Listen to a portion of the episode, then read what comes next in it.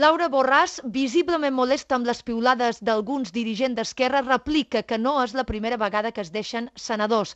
Remarca que, a canvi, Junts per Catalunya ha ajornat la moció d'autodeterminació al Parlament i ho qualifica de gest cap als socis de govern.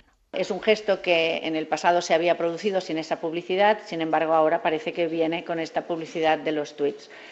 Uh, la lealtad para con nuestro socio de gobierno, la Generalitat de Cataluña, ha hecho que, a petición suya, retiráramos esa moción uh, sobre la autodeterminación. no hemos retirado, hemos aparcado. De hecho, va a ser presentada de nuevo este mismo viernes. Borràs defensa que si volen grup propi és perquè hi hagi més veus independentistes a l'hemicicle i no pels diners que suposa.